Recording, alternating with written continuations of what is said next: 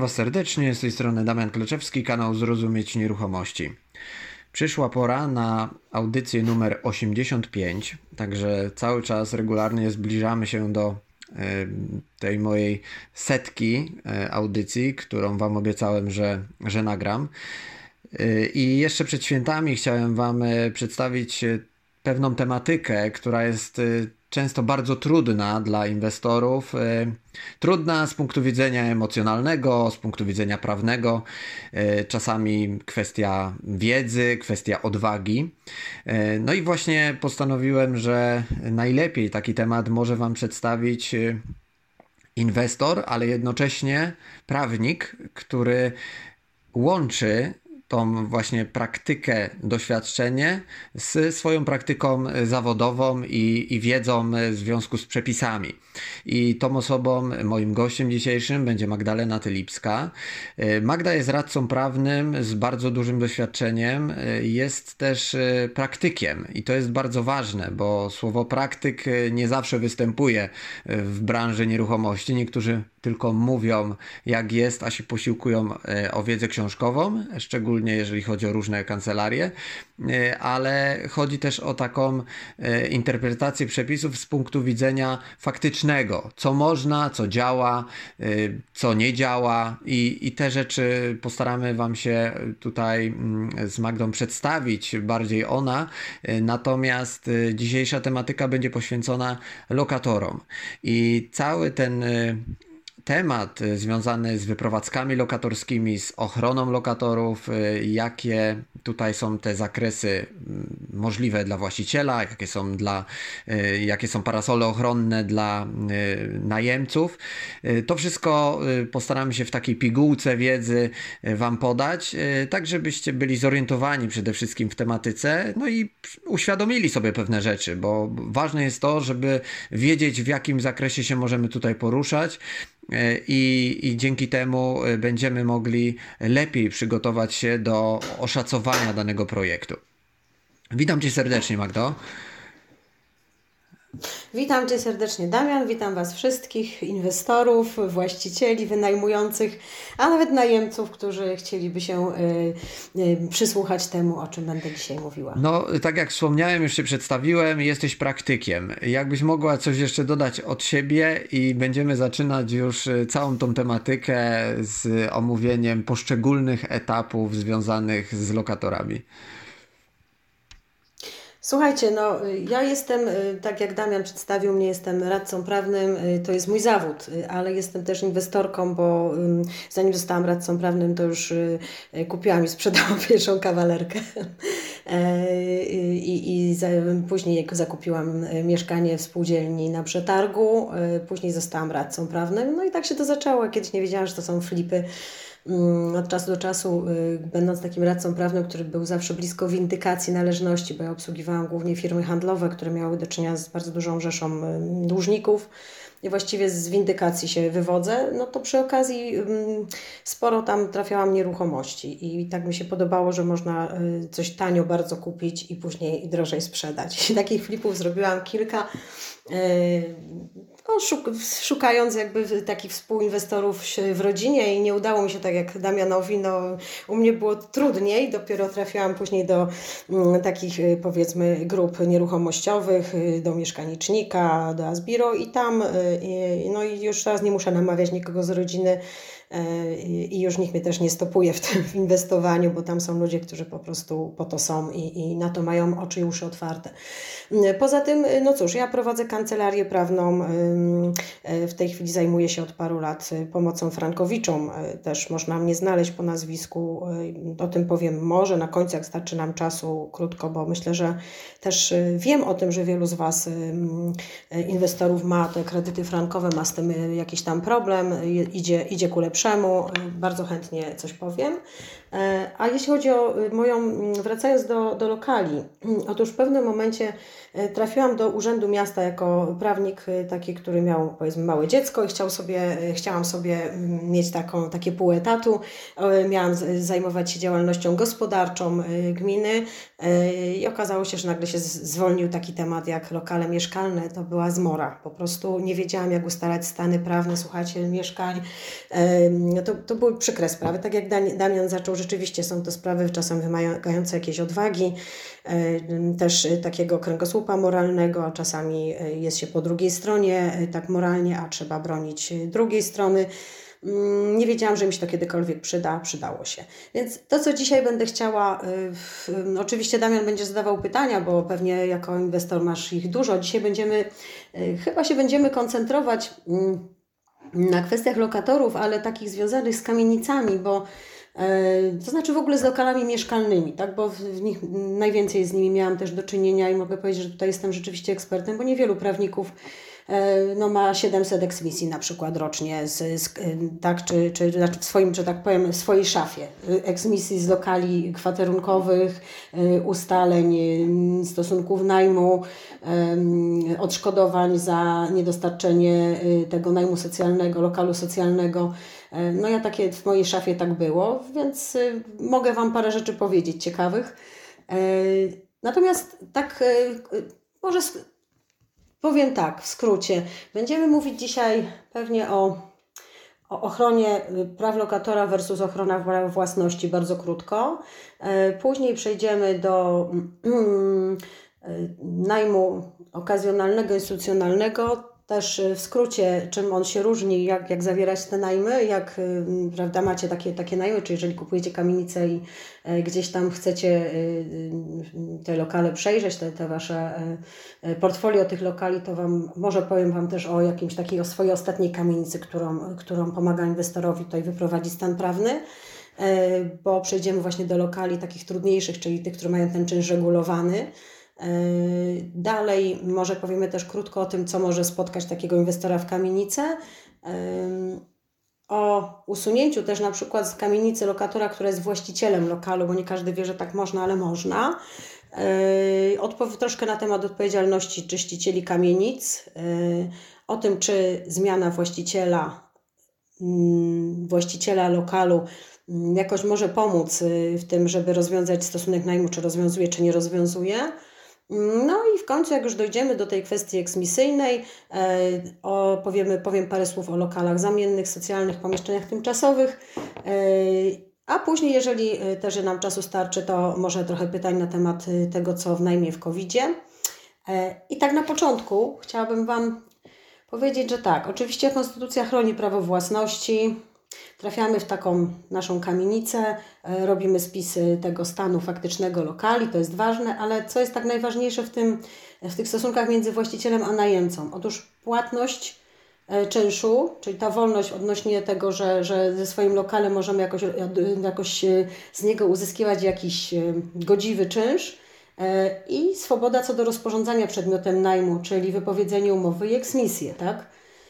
I każda z tych swobód jest niestety ograniczona e, przepisami ustawy o ochronie praw lokatorów, no i oczywiście kodeksem postępowania cywilnego też e, trochę, ale są na to metody, więc czy opowiedzieć Wam o kamienicy, którą ostatnio pomagam opróżnić uczciwie i zgodnie z prawem po prostu ustalić, opróżnić, nie wiem, no, co, co byście tam chcieli.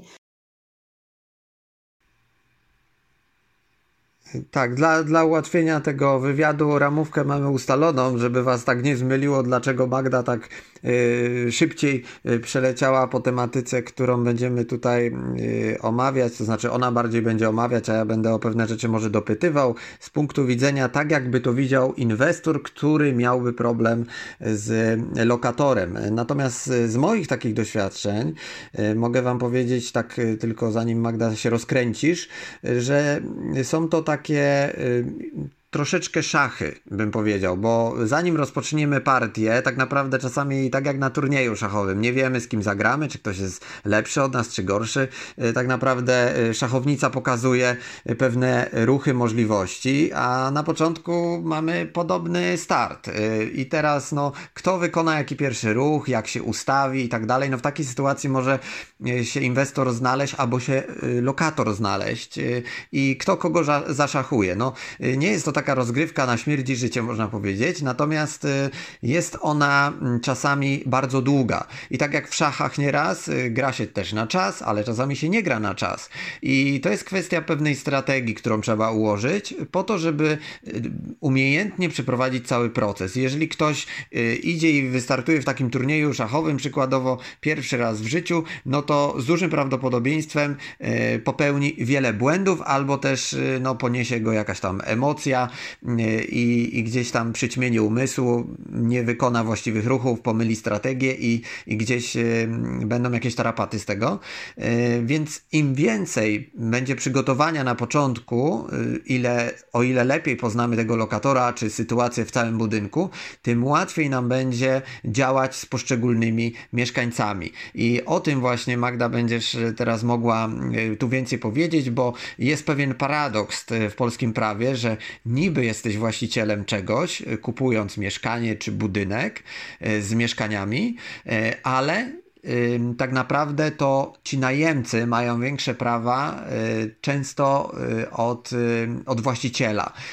I pomimo tego, że oni nigdy się nie stają właścicielami, to mogą skutecznie uniemożliwić realne takie korzystanie z tych lokali albo lokalu, więc no to powoduje, że skłaniamy się ku takim osobom, które nam pomagają, jak prawnicy, jak kancelarie całe, które się tym zajmują, a że nie ma takich kancelarii wiele, no to teraz możecie posłuchać, jak wygląda cały proces, więc oddaję Ci głos Magda, tak żebyś tutaj jak najlepiej mhm. przedstawiła całą tematykę. No dobrze, y, więc y, jeżeli skupimy się bardziej na kamienicach, tak, bo o tym tutaj po to jesteśmy, to głównie będziemy mieć do czynienia z, właśnie z tymi najemcami z komunalnymi, tak, czyli tymi, którzy mają czynsz regulowany, tudzież w ogóle z najemcami, którzy mają już zawarte umowy najmu. I teraz powiem Wam tak, jest Przede wszystkim, y, na czym polega ta ochrona praw lokatorów? Otóż w tej ustawie o ochronie praw lokatorów jest zapisany artykuł 11, który mówi nam, kiedy możemy rozwiązać my, jako właściciel, czyli wynajmujący, kiedy może rozwiązać umowę najmu. Oczywiście, jak ona jest na czas określony, to ona wygaśnie w pewnym momencie. Jeżeli jest na długi czas określony, no to będziemy czekać i możemy rozwiązać tę umowę tylko tak, jeżeli mamy zwłokę w opłatach na, za trzy pełne okresy płatności, jeżeli najemca podnajmuje bez zgody, niszczy używanie zgodnie z przeznaczeniem, nie zamieszkuje przez okres 12 miesięcy. Yy, I teraz dalej, jeżeli yy, oczywiście też jest coś takiego w związku z koniecznością remontu, rozbiórki budynku, ale to jest taka już wyższa szkoła jazdy, yy, bo mm, niby ten właściwie można, należy dać lokal zamienny na rok, ale jeżeli ten remont jest dłuższy, no to się negocjuje z gminą o, o najem komunalny, jeżeli to jest lokator komunalny i tak dalej. Chcę Wam powiedzieć, że najpierw trzeba po prostu zrobić. Y, ja zawsze proszę, żeby taki właściciel y, wystąpił o umowy najmu, czyli do tych lokatorów, jak oni nie chcą rozmawiać, no to do zarządcy budynku. Y, I wiemy, jakie są. Na przykład teraz miałam taką kamienicę i się okazało, że było, mój klient kupił tam sześć lokali w tej kamienicy, już były wyodrębnione. I tak naprawdę mamy problem z trzema lokatorami, bo w jednym pani podnajmowała bez zgody i szybko stamtąd uciekła. E, jak się dowiedziała, że jest, y, że i tak zostanie jej wypowiedziany najem, ale ona brała chyba dodatki mieszkaniowe, więc, więc uciekła stamtąd. W dwóch przypadkach y, to były też na przykład takie sytuacje, że, że ludzie nie mieli już wypowiedziane umowy najmu. Mm, no i trzy właściwie przypadki zostały takich osób, które chcą współpracować. I teraz tak, najpierw musimy zobaczyć, ilu mamy takich lokatorów komunalnych, E, ilu mamy lokatorów z umowami najmu, z wygasłymi umowami najmu, no i spróbować z nimi przede wszystkim porozmawiać i przedstawić im, znaczy ustalamy sobie, co możemy i po czym prowadzimy rozmowy, ale też mówimy, ja Wam powiem tak, ludzie, którzy mają, którzy mają te umowy najmu na e, na czas, e, znaczy mają z takim czynszem regulowanym zawarte, to oni tak naprawdę bardziej niż y, tego, żeby sobie coś kupić. Oczywiście są tacy roszczeniowcy, którzy chcą, żeby im kupić kawalerkę na wolnym rynku, ale wcale nie trzeba, bo lokal zamienny to jest po prostu wynajem. Y, to ci ludzie po prostu chcą mieć święty spokój. Są przeważnie lokatorzy, którzy ma, są w słusznym wieku albo w takim już no, godziwym wieku i oni by chcieli nadal być lokatorami komunalnymi. No i ja powiedzmy, no mam ten, to nie jest know-how, po prostu to wynik, ale można powiedzieć, że jest jakiś know-how, jak to rozwiązać. E, bo mm, że wracając do tego artykułu 11, jakikolwiek byście w tych umowach najmu nie widzieli, jakichkolwiek zapisów, że tam można rozwiązać za trzymiesięcznym wypowiedzeniem, to to są zapisy dla najemcy, dla Was nie, bo jesteście wynajmującym. I teraz tak, e, jeżeli mamy mm, tych lokatorów komunalnych, no to ja na przykład jeszcze, jeszcze widzę takie trzy główne e, niebezpieczeństwa, które nas mogą zaskoczyć. Otóż wchodzimy, robimy ten to due diligence, ten, prawda, ten, ten research tych umów najmu i wydaje nam się, że jest dwóch najemców czy trzech najemców e, z niewykonanymi umowami eksmisji, e, albo na przykład, że mają jakieś wyroki eksmisyjne, albo że najemca zmarł i tam mieszka jego syn, wnuk, ktokolwiek. I teraz tak, jeśli chodzi o na przykład niewykonane wyroki eksmisji, też trzeba się przyjrzeć, czy one pochodzą sprzed 92 roku, czy po 92 roku, bo e, jeżeli są starsze, to jeszcze jest e, tryb opróżnienia administracyjny, o czym nie każdy wie. Jak spróbujemy iść z tym do sądu, to 2-3 lata spędzimy w sądzie, a potem i tak wrócimy do, do, do gminy. E, i trybem administracyjnym decyzją będzie trzeba to wykonywać, więc można naprawdę na tym spędzić e, upojnych 5-6 lat, żeby takiego lokatora wyeksmitować, mimo to, że fizycznie wyeksmitować, mimo to, że, że wyrok tytułu wykonawczy jest prawomocny eksmisji. E, dalej, jeżeli mamy na przykład, cieszy, już widzimy, że chcielibyśmy tę kamienicę remontować, mamy kogoś, kto mieszka, wydaje nam się, że bez tytułu prawnego, bo zmarł główny lokator. Ha, tylko, że jest taki przepis artykułu 691 kodeksu cywilnego, który mówi o tym, że osoby wspólnie zamieszkały i wymieniać tam krąg małżonek, konkubent, tak, y, y, dzieci, dzieci z małżowego małżonka. Jeżeli stale zamieszkiwały w tym mieszkaniu, to wstępują stosunek najmu. I może, bardzo często w mojej praktyce tej gminnej, albo później już z inwestorami, było tak, że te dzieci wcale nie zamieszkiwały, no ale nagle znajdowało się trzech sąsiadów, którzy potwierdzili, że oni zawsze zamieszkiwali. No i tutaj jest, y, no jest zabawa, oczywiście można, można sprawdzić um, przez sąd pewne rzeczy, ale to może nie o tym będziemy tu mówić. Każda sprawa jest, jest y, te sprawy są podobne, ale czasami jednak trzeba się mocniej pochylić.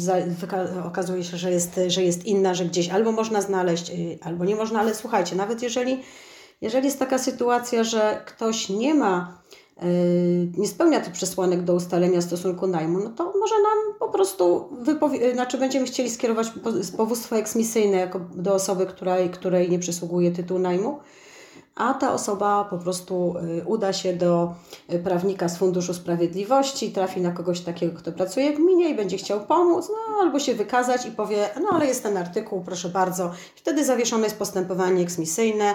E, sprawa trwa ze dwa lata, bo to jest przecież dwuinstancyjna. Później jeszcze taki człowiek może się ubiegać. Y, żeby to dłużej trwało, to jeżeli będzie miał wiedzę, to najpierw pójdzie po ustalenie stosunku najmu, zawarcie z nim umowy najmu lokalu komunalnego do gminy, przejdzie drogę administracyjną, e, nawet do WSA to może trafić, do Wojewódzkiego Sądu Administracyjnego może to trafić, bo oczywiście nie będzie miał przesłanek do zawarcia umowy najmu lokalu komunalnego, później przejdzie przez e, ustalenie z dnia stosunku najmu, więc no ja na przykład na przykład miałam taką sprawę, która trwała tam 6 lat, tak?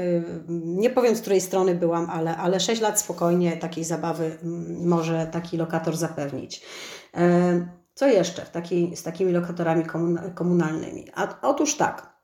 Ustawa o ochronie praw lokatorów, ta, o której mówiłam, z czerwca 2001 roku, mówi, że e, przewidywała w artykule 30, czyli tych przepisach końcowych, przejściowych, tak zwaną amnestię mieszkaniową. Jest to artykuł 30 tej ustawy, który mówi, że osoby, które mieszkały przez 10 lat do dnia wejścia w życie tej ustawy, czyli od weszła w 2001 czy od 1991 roku, zamieszkiwały i nie było przeciw nim wszczętego postępowania o eksmisję, e, no to one z mocy prawa stają się e, najemcami tego lokalu, z tym, że ten czynsz płacą wyższy w gminie, bo 3% wartości odtworzeniowej, a nie 1%, no ale takie postępowanie też e, może zabrać e, rok, dwa i potem się może okazać, że jednak mamy najemcę, a nie osobę, która mieszka bez tytułu. Więc jeżeli na takie rzeczy możemy, możemy natrafić w kamienicy. Dlatego mówię, no, dosyć dobrze trzeba wykonać e, to badanie i zobaczyć e, przede wszystkim rozmowy z tymi najemcami, bo tak jak mówię, najczęściej to oni po prostu chcą mieć święty spokój i mieszkać, e, dalej być lokatorami komunalnymi w podobnym lokalu, niekoniecznie takim samym i najlepiej niedaleko od obecnego miejsca zamieszkania, co jest naprawdę do zrobienia z, z, jeżeli mamy współpracujących lokatorów i, i w miarę spolegliwą gminę, burmistrza, Wydział Zasobów Lokalowych, który jest zainteresowany, żeby miasto ładnie wyglądało i kamienica była odnowiona. E, to wszystko też można załatwić, ale trzeba na początku o tym wiedzieć, że to nie takie wszystko proste i, i od razu.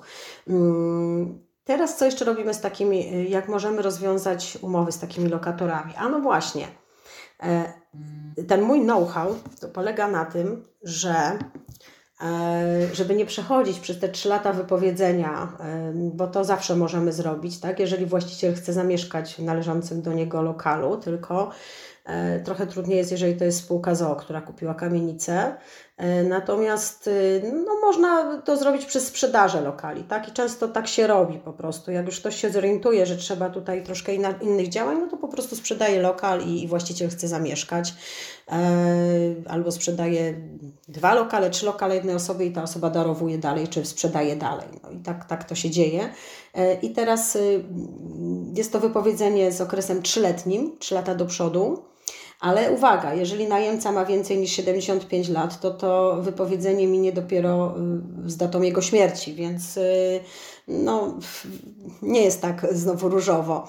E, ale, ale tej osoby, która ma 75 lat ukończone, nie szukamy dla niej takiego wypowiedzenia, tylko rozmawiamy z nią o innym y, wypowiedzeniu, bo na przykład można jej wypowiedzieć za, nie, za brak płatności czynszu, można jej wypowiedzieć e, umowę najmu właśnie przez taką, e, taki know-how, którym, znaczy coś takiego, o czym Wam powiem teraz. Otóż, może zrobię dłuższą wypowiedź, bo może nie taką długą, ale troszeczkę dłuższą, że też y, ogranicza nas ustawa w podwyżkach wysokości czynszu. Jak nas ogranicza? Otóż tam teraz na pół roku można tylko wypowiedzenie, znaczy podwyższać czynsz, ale też jeżeli ta podwyżka następuje z poziomu 3% wartości odtworzeniowej, no to trzeba ją uzasadnić, tylko że na wniosek lokatora.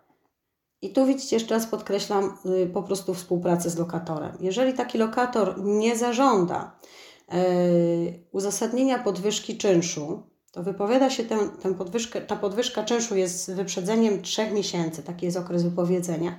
Jeżeli w, ciągu, y, jeżeli w ciągu dwóch miesięcy on nie zażąda uzasadnienia na piśmie i nie będzie walczył przed sądem o to, że ta podwyżka jest nieuzasadniona, no to i nie przyjmie tej podwyżki, to umowa mu wygasa. E, umowa najmu wygasa i to jest dosyć szybkie, jak widzicie, nie 3 lata wypowiedzenia, tylko dosyć szybko, bo, y, y, bo, bo, bo 3 miesiące.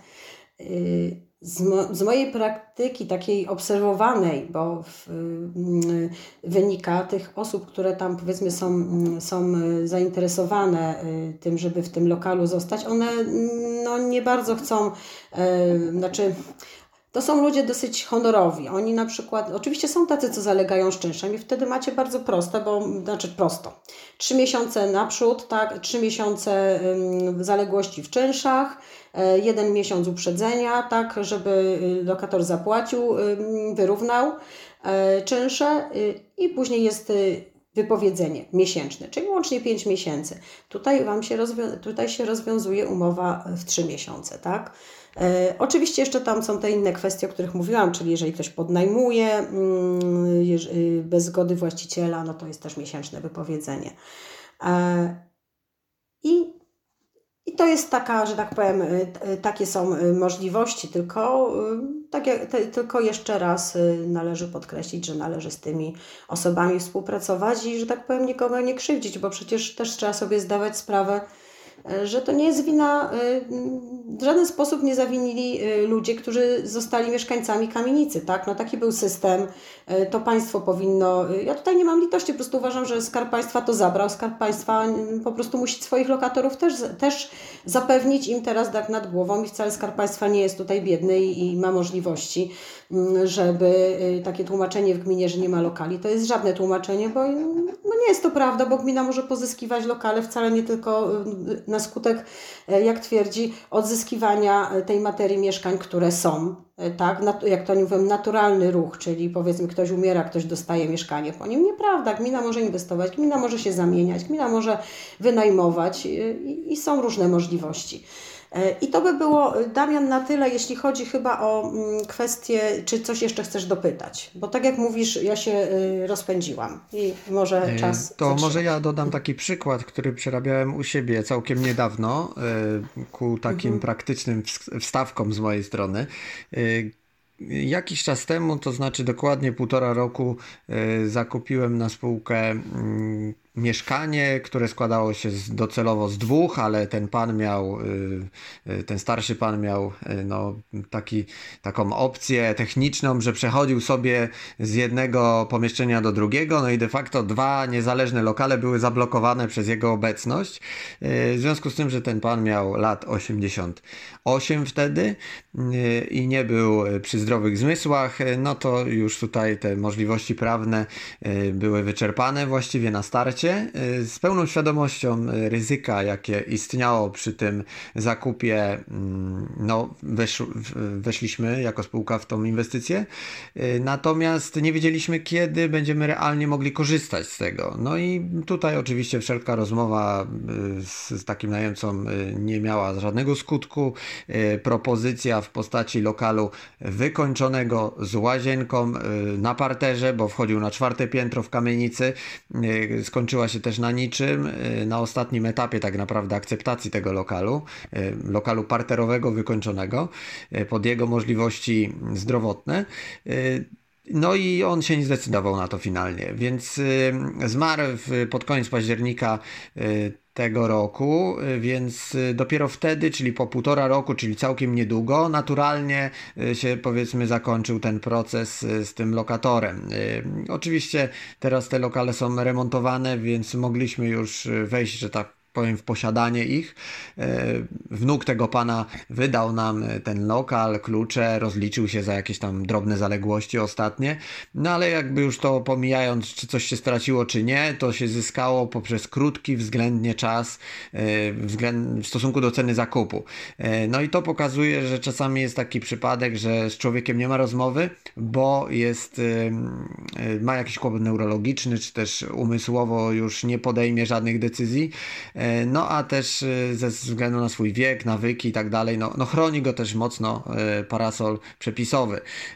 Więc to jest taki przypadek, który przerabiałem. Oczywiście przerabiałem masę innych również trudnych lokatorów, ale to jest taki przykład tego, o czym mówiłaś, gdzie mamy do czynienia z lokatorem 75+, kiedy mamy ograniczone możliwości wpływu czasami na, na taką osobę i faktycznie do śmierci ten pan żył i faktycznie dopiero wtedy można było z tego lokalu skorzystać. A jego umowa już była nieważna, y, ale była ważna z punktu widzenia y, przepisów, które go chroniły. Więc no, to, to tyle z mojej strony. Możesz ściągnąć sobie temat dalej z, w kontekście tego zaplanowanego procesu. Pewnie teraz by była mowa o uciążliwościach związanych z właścicielami lokalu.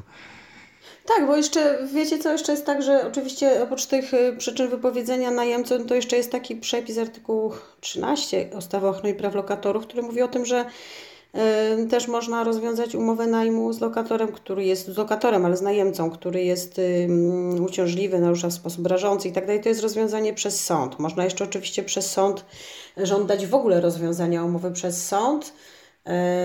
Bo na przykład, popatrz, tak jak tu powiedziałeś, że dałeś, dawałeś panu inny lokal. I teraz na przykład z taką sprawą można iść do sądu i też można, jeżeli y, nie ma żadnego, żadnej innej podstawy, można też żądać rozwiązania umowy przez sąd, no ale tutaj musia, trzeba by byłoby właśnie wskazać, że Ktoś zajmuje, y, starsza osoba zajmuje lokal 70-metrowy, że y, no już takie względy, wiecie, te miękkie, takie, że tam powiedzmy nie dogrzewa, albo że, że to jest niebezpieczne, bo tam jest piec jakiś, tak, I oczywiście, a inwestor y, wynajm, wynajął dla takiej osoby jakieś powiedzmy mieszkanko, czy małe, ale, ale czyste na parterze, tak jak Ty mówiłeś, to jest to zupełnie, też, też można w ten sposób to załatwić, ale e, powiem tak, jeżeli jeszcze mamy takiego lokatora uciążliwego, to nawet niekoniecznie właściciel budynku czy lokalu, natomiast e, nawet sąsiad. Ja miałam taki proces, gdzie sąsiadka, e, karmicielkę kotów i, i osobę, która lubiła po prostu zbierać śmieci, tak,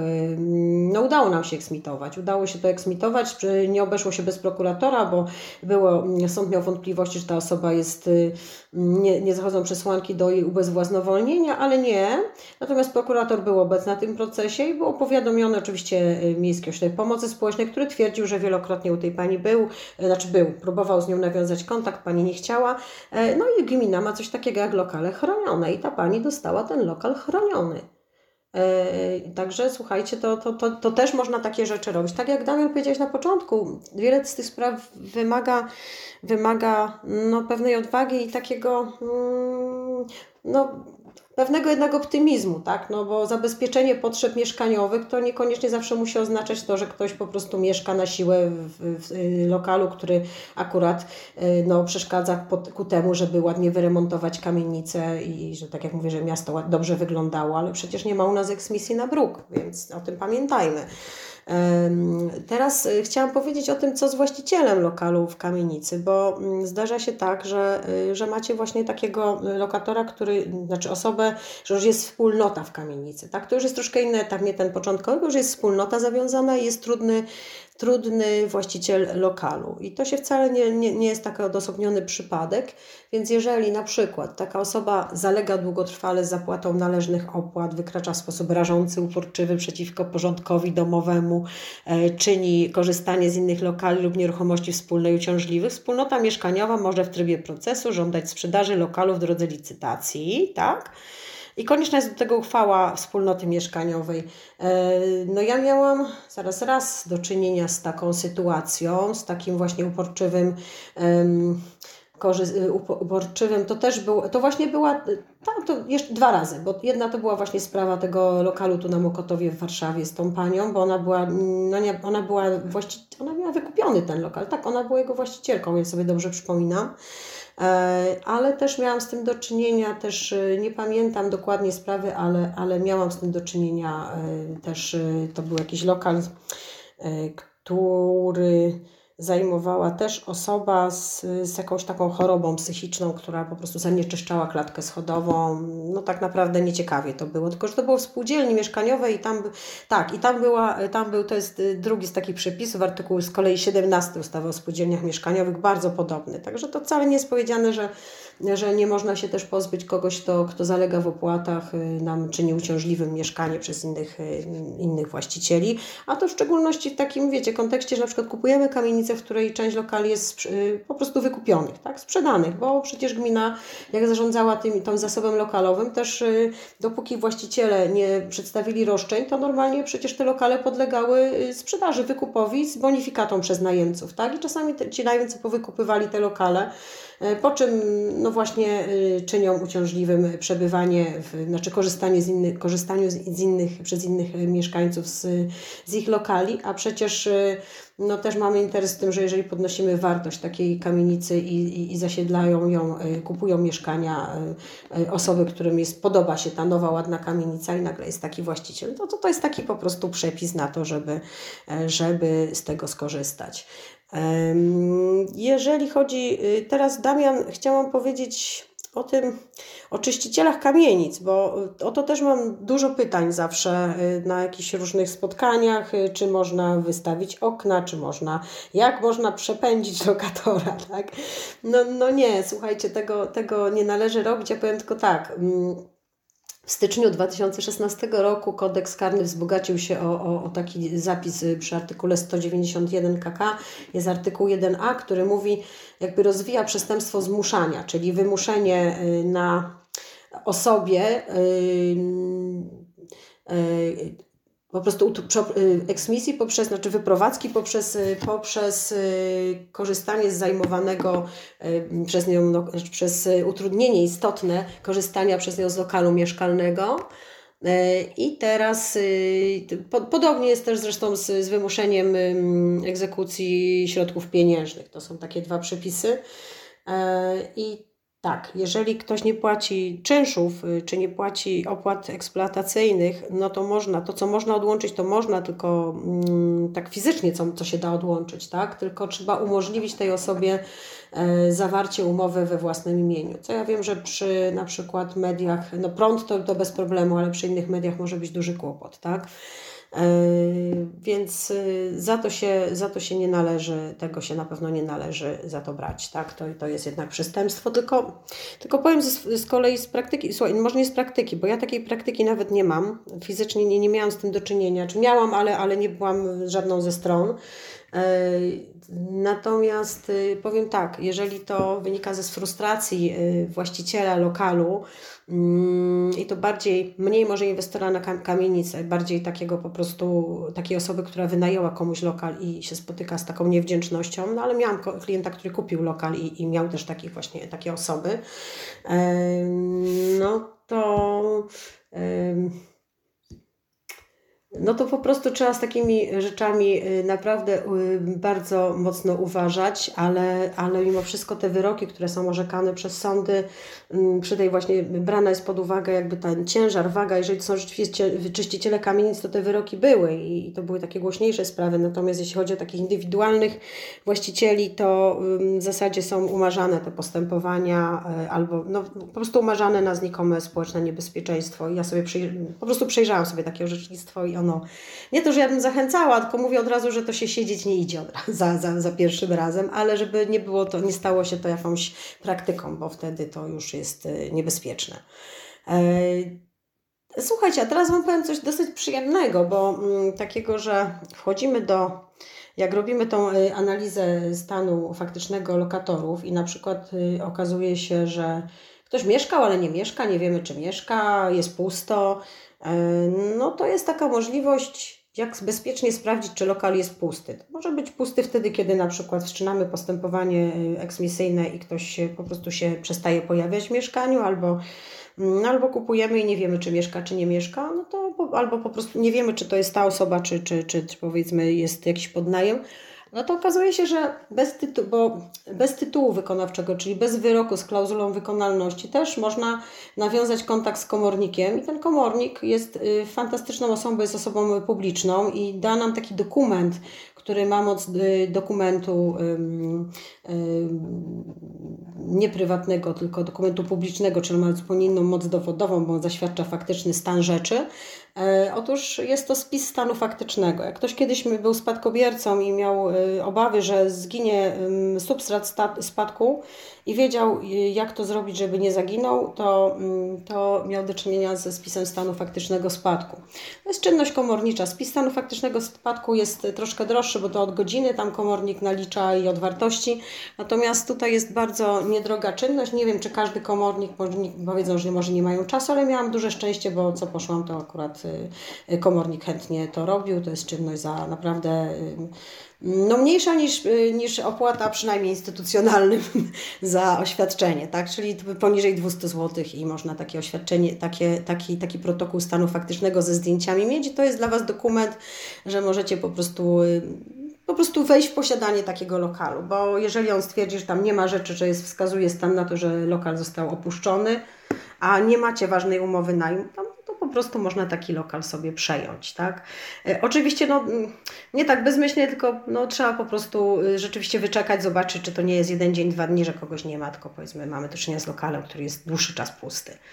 E, Damian, masz coś jeszcze, czy mm, możemy przejść do tak, takich elementów, jak te lokale socjalne, chciałem zamienne się dopytać, i tak bo ostatnio czytałem taką y, ciekawostkę może, bo ja z tego osobiście nie korzystam, ale być może dla Was będzie to przydatne, y, że mm, prawo y, i też możliwości w zakresie licytacji komorniczej miały przejść też do internetu. I te e-licytacje, pytanie czy to już weszło i jest w trybie takim, że można faktycznie sobie, mając internet odpalony, zlicytować sobie jakiś lokal, wiedząc, że tam na przykład tak wyciągając ten protokół wcześniej e, ktoś jest, czy go nie ma i sobie przez internet kupujemy mieszkanie, tak jak jakiś produkt na Allegro.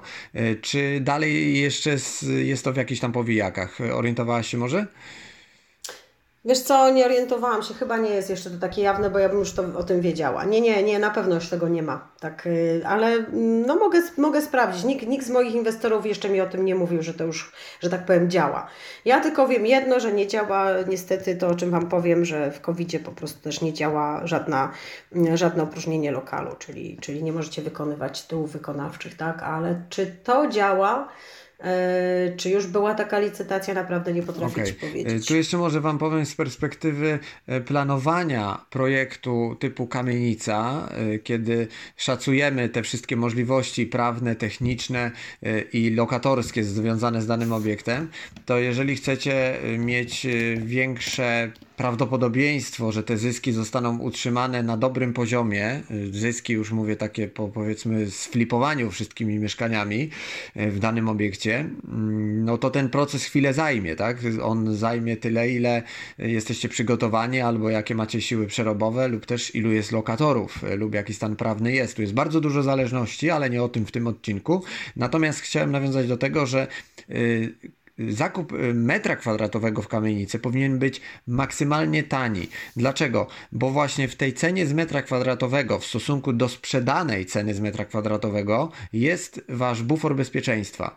W tym wliczony również na lokatorów. Bo jeżeli niektórym lokatorom będzie trzeba coś odpalić, żeby wyszli, no to y, jakiś budżet na to trzeba założyć. Jeżeli ta marża y, wasza w zarobku nie będzie uwzględniała tego elementu, no to może się okazać, okazać, że tu się wyda tyle, tu się wyda tyle i ostatecznie nie zrobi się jakiegoś remontu, bo się wydało pieniądze w zupełnie innym kierunku niż było to planowane, tylko dlatego, że się nie uwzględniło na przykład pewnych oczekiwań. I tak ważny jest ten e, właśnie aspekt analityczny e, budynku pod kątem substancji lokatorskiej, bo bez tego naprawdę e, można popłynąć to ostro, a znam naprawdę sporo ofert, chociażby w Poznaniu, które które do dzisiaj są nietknięte y, przez inwestorów, a wielokrotnie analizowane, tylko dlatego, że są tam y, najgorsi lokatorzy z możliwych, najtrudniejsi z możliwych i przez wiele lat się to nie zmieni. E, więc y, no tutaj może Magda pokieruj teraz informacjami, wskazówkami, jak lokal taki docelowy dla tego eksmitowanego powinien wyglądać. W ogóle jakie mamy typy lokali, jakbyś mogła powiedzieć, z czego one, y, jaką one mają charakterystykę? Teraz do tego przejdę, natomiast wiesz co, zerknęłam rzeczywiście odnośnie tych licytacji. One mm, dopiero będą wchodzić, bo od stycznia komornicy mają zacząć prowadzić akta, e-akta, E, ale wejdzie jeszcze cały pakiet. E, niby 8 grudnia było ustalona, mm, już Ci powiem. E, tak, projekt zmian w procedurze cywilnej wprowadzający licytację, natomiast jeszcze oczywiście będzie kupa, będą procesy, y, będą nie procesy, tylko przepisy wykonawcze, więc, więc no, no nie tak szybko, tak? Ale myślę, że w połowie przyszłego roku tak to chyba by można było się spodziewać takich licytacji. E, ale powiem Wam, że przez to, że nie można eksmitować w tej chwili, to i te licytacje komornicy nie, nie w ogóle jakby no, mniej tych licytacji, e, mniej lokali dają na licytację, bo co z tego, że licytacja będzie jak nie można, nie można wprowadzić w posiadanie nikogo, jeżeli tam ktoś zamieszkuje, tak? No to mm, no, w zasadzie przepis mówi tylko o ty tytule wykonawczym, ale y, ja rozmawiałam z jakimiś komornikami, którzy też mówią, że nie przeprowadzają teraz y, licytacji, bo jest problem z eksmisją. No i co?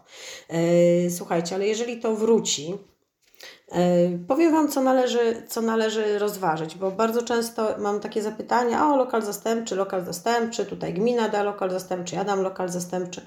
No nie zawsze tak jest, bo w zasadzie te lokale, które by mogły przysługiwać osobom y, eksmitowanym, powiedzmy, że już mamy wyrok, czy mamy taki wyrok niewykonany, bo zrobiliśmy to rozeznanie tych najmów i tak dalej, y, to mamy takie trzy rodzaje. Otóż y, lokal zamienny to jest lokal, który jest w tej samej gminie i on tak naprawdę powinien być w gminie i powinien być właściwie nie gorszy, wyposażony tak samo jak ten lokal, który mamy, który ma nasz lokator e, i ale oczywiście przyjmuje się, że jest, jeżeli jest 20 metrów kwadratowych na gospodarstwo jednoosobowe, a 10 metrów e, to chodzi o metraż pokoi, pokoi na osobę w gospodarstwie wieloosobowym, czyli powiedzmy 20 metrów plus kuchnia, plus łazienka i przedpokój dla dwóch osób, to jest spełniony ten wymóg. I to jest lokal zamienny, ale my tak naprawdę tylko będziemy z tym mieli do czynienia, jeżeli dajemy ten lokal zamienny na czas remontu, na rok, e, kiedy dajemy, znaczy mówię o, my, czyli inwestor, tak? Inwestor będzie musiał dać taki lokal y, na czas remontu, albo wtedy, kiedy rozwiązuje umowę najmu z osobą, mm, znaczy yy, wypowiada stosunek najmu yy, nie ten 3 lata do przodu bez dostarczania lokalu zamiennego, tylko na rok naprzód można rozwiązać umowę najmu, yy, dając taki lokal zamienny, tak?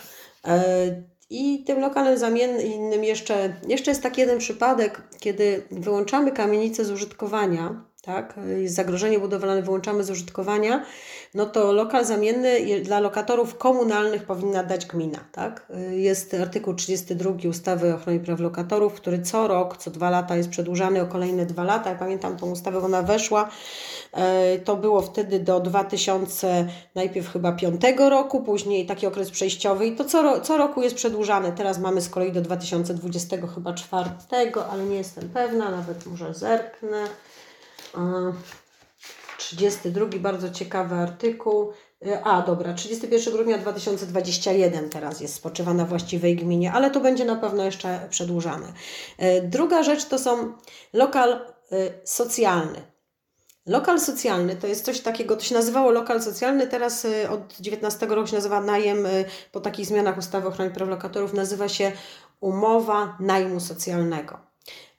I to jest, to przysługuje mm, tylko z wyroku tak naprawdę, albo e, poprzez złożenie wniosku przez lokatora e, i tylko on nie może mieć prawa do lokalu, nie może, to, to, to są takie, słuchajcie, uchwały Rady Gminy, które mówią e, o tym, że tak powiem, jak, jak jego sytuacja ma wyglądać i musi czekać, powiedzmy, w kolejce na taki najem socjalny, ale mm, krąg tych osób jest y, zamieszczony w ustawie o ochronie praw lokatorów. To są bezrobotni, osoby w ciąży, y, małoletni, czyli jednocześnie opiekun dziecka.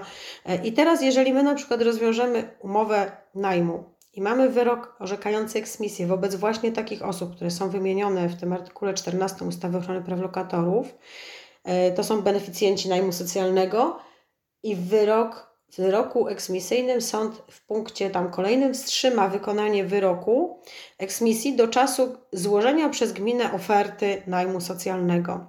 E, I, I tu się, słuchajcie, tutaj jest tak, nie wiem, ja wiem jak w Warszawie to działa, nie wiem jak, wiem, że są też różne praktyki, ale generalnie jest tak, że y, osoba y, ten najem socjalny po prostu musi przyjąć. To dostaje jedną czy dwie propozycje i po prostu musi przyjąć, bo jak nie, no to na przykład y, przechodzimy wtedy do takiego trybu, jak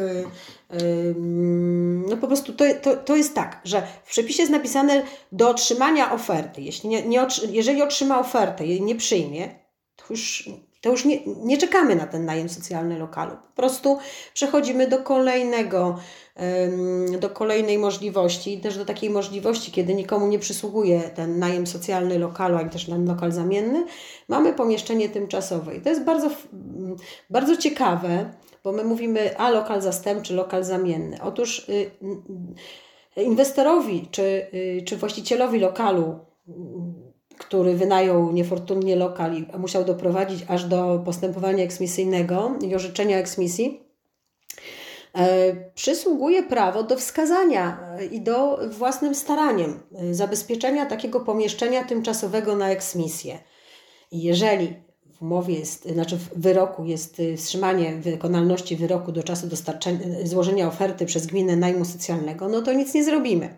Chyba, że nie przyjmie oferty to wtedy przechodzimy pod reżim pomieszczenia tymczasowego. Ale jeżeli w wyroku eksmisyjnym e, jest ustalone, że nie przysługuje mu prawo do najmu e, socjalnego lokalu, e, no to wtedy powiedzmy, składamy ten tytuł, yy, oczywiście życzeniowo, bo na razie jest COVID i się nic z tego, ale jak się skończy, składamy yy, u komornika taki tytuł wykonawczy, E, I komornik oczywiście wezwie gminę do, do dostarczenia pomieszczenia tymczasowego i z tego co wiem, to gminy też dają, ale nie musi tak być, bo gmina napisze, że ona pomieszczeń tymczasowych nie ma, ale nawet nie musimy czekać na odpowiedź gminy. Tam ma bodajże kilka, sześć miesięcy, już nie pamiętam w tej chwili, jakiś taki jest okres na, na dostarczenie tego pomieszczenia tymczasowego. Nie czekajmy, tylko zawieramy umowę yy, najmu takiego pomieszczenia tymczasowego na co najmniej 30 dni. Niektórzy, niektórzy komornicy wymagają 3 y, miesięcy, ale tak naprawdę to jest 30, powyżej 30 dni, czyli mm, miesiąc i dwa dni na przykład, tak? Najlepiej miesiąc i tydzień, no bo komornik musi mieć ten moment, ten czasu, żeby przedstawić, powiedzieć dłużnikowi, że jest taki i takie pomieszczenie. Czym jest to pomieszczenie tymczasowe? Ano, w miejsc, ono musi się znajdować w miejscowości pobliskiej, czyli może być w tym samym powiecie albo w powiecie sąsiednim, co przy dużych miastach to y, zdajemy sobie sprawę, że y, czasem ten powiat sąsiedni to są zupełnie inne ceny, zupełnie inne, może, zupełnie jakby inne, inne, za inne kwoty można taki, takie pomieszczenie wynająć. E, komornik wstrzymuje się oczywiście z wykonaniem eksmisji, ale dłużnik, komor, wierzyciel, czyli, czyli, czyli właściciel lokalu, jeżeli wskaże pomieszczenie tymczasowe, to komornik się nie wstrzyma, tylko przedstawi. I sytuacja jest taka: zawieramy mm, taką umowę, wzywamy, komornik wzywa człowieka do opuszczenia lokalu, wskazując, informując go, że wierzyciel, czyli właściciel lokalu lub no, właściwie to zazwyczaj jest tak właśnie to wygląda. Lub nawet osoba trzecia wskazuje pomieszczenie tymczasowe. Jest to najczęściej pokój w hotelu robotniczym, tak, czy kwatery no, tego rodzaju, prawda? E, I on, to nawet nie musi być do końca lokal, was Wam powiem, jak to wygląda. Otóż pomieszczenie tymczasowe to jest y, pomieszczenie nadające się do zamieszkania, posiadające dostęp do źródła zaopatrzenia w wodę i do ustępu, chociażby te urządzenia znajdowały się poza budynkiem. Oświetlenie naturalne, elektryczne, możliwość ogrzewania, niezawilgocone przegrody budowlane, e, możliwość zainstalowania urządzenia do gotowania posiłków i zapewniające co najmniej 5 metrów powierzchni mieszkalnej na jedną osobę i w miarę możliwości znajdujące się w tej samej lub pobliskiej miejscowości, w której dotychczas zamieszkiwały osoby przekwaterowane, więc ustawa nawet mówi o tym, że w miarę możliwości znajdujące się w tej samej lub pobliskiej miejscowości. Tak jak mówię, sąsiedni powiat albo dwa powiaty dalej też jest odpowiedni. Mm, z takiej mojej praktyki Chyba raz się tylko zdarzyło, że ktoś chciał i przejął jakieś takie pomieszczenie tymczasowe, ale, ale w zasadzie to, to jest taki, no to jest taka okoliczność, gdzie y, uporczywy dłużnik tego nie przyjmie, a mówimy głównie o uporczywym, y, o uporczywym dłużniku, o uporczywym lokatorze, dlatego że y, jeżeli to jest osoba, która rzeczywiście potrzebuje pomocy mieszkaniowej, nieporadna i tak dalej, to ma najem socjalny lokalu i, i, i naprawdę no, nie, nie, nie zdarzy się komuś, kto, przy komu przysługuje najem socjalny lokalu, żeby w ten sposób to występowało. Pomieszczenie tymczasowe to jeszcze jest kwestia tego, że ja tutaj akurat mówimy o takim sposobie nabycia metodą kupna, tak, ale jeżeli wspomnieliśmy o tych licytacjach komorniczych, no to tam już w ogóle na przykład powiem e, tak korzystając z okazji, że tam w ogóle nie ma kwestii najmu socjalnego lokalu, bo tak jak mówię, najem, najem socjalny lokalu jest z wyroku.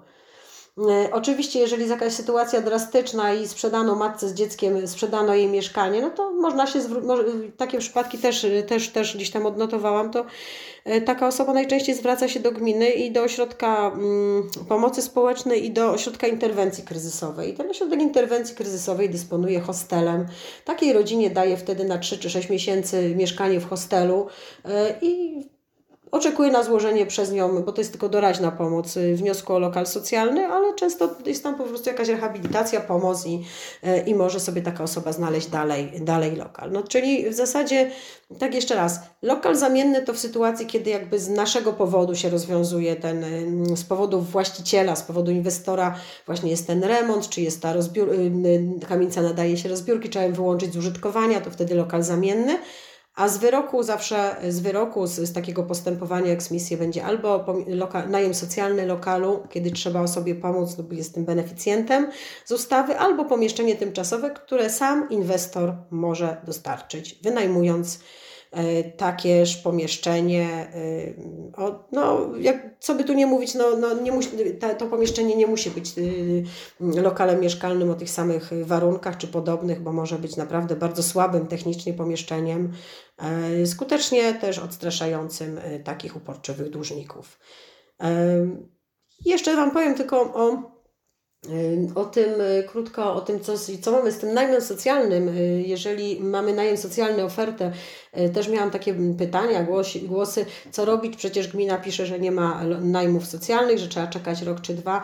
No jest taki mechanizm, który ja po drugiej stronie stałam przez dłuższy czas i naprawdę dużo było tych odszkodowań wypłacanych przez gminy za niedostarczenie tego, tej oferty najmu socjalnego, więc od razu trzeba, jeżeli pozywamy, jeżeli pozywamy, w ogóle składa, składa się pozew o eksmisję, to trzeba od razu zawiadamiać gminę, bo niektóre sądy to robią, niektóre nie. I gmina już wie o tym, że takie postępowanie się toczy i wtedy jak ono się zakończy, no to nie ma rozmowy o tym, że trzeba czekać pół roku na lokal, bo w rozsądnym czasie, czyli miesiąc, dwa, gmina powinna e, dać taki lokal. Jeśli nie da, no to mamy prawo do mm, czynszu, do, do, do żądania odszkodowania wysokości czynszu wolnorynkowego za ten lokal. Oczywiście do tego też się trzeba odpowiednio przygotować, na przykład chociażby korzystając z wezwania od razu przy pozwie y, zażądania, żeby wykazujemy ile to kosztuje, natomiast y, mm, z ostrożności składamy od razu wniosek biegłego sądowego do wyliczenia wysokości czynszu wolnorynkowego, bo inaczej y, to jest, to jest procedura przez szkodę, przez odszkodowania. Musimy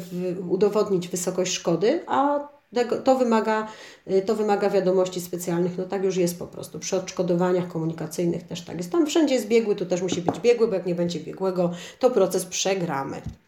E, Damian, masz pytania jeszcze odnośnie y, tych y, lokatorskich, takich ogólnych spraw, bo... Tak, tutaj wiem, może wiesz co... Moglibyśmy o tym mówić mhm. do, do rana pewnie, jakby były pytania od słuchaczy. Wiesz co, tutaj może Ale... wskazówkę pewną dam, a, a Ty chwilę byś rozwinęła i przejdziemy pewnie do tematu związanego z COVID-em, bo to jest temat na czasie, można powiedzieć, i, i to, co jest z tym związane jako wszelkiego rodzaju tarcze.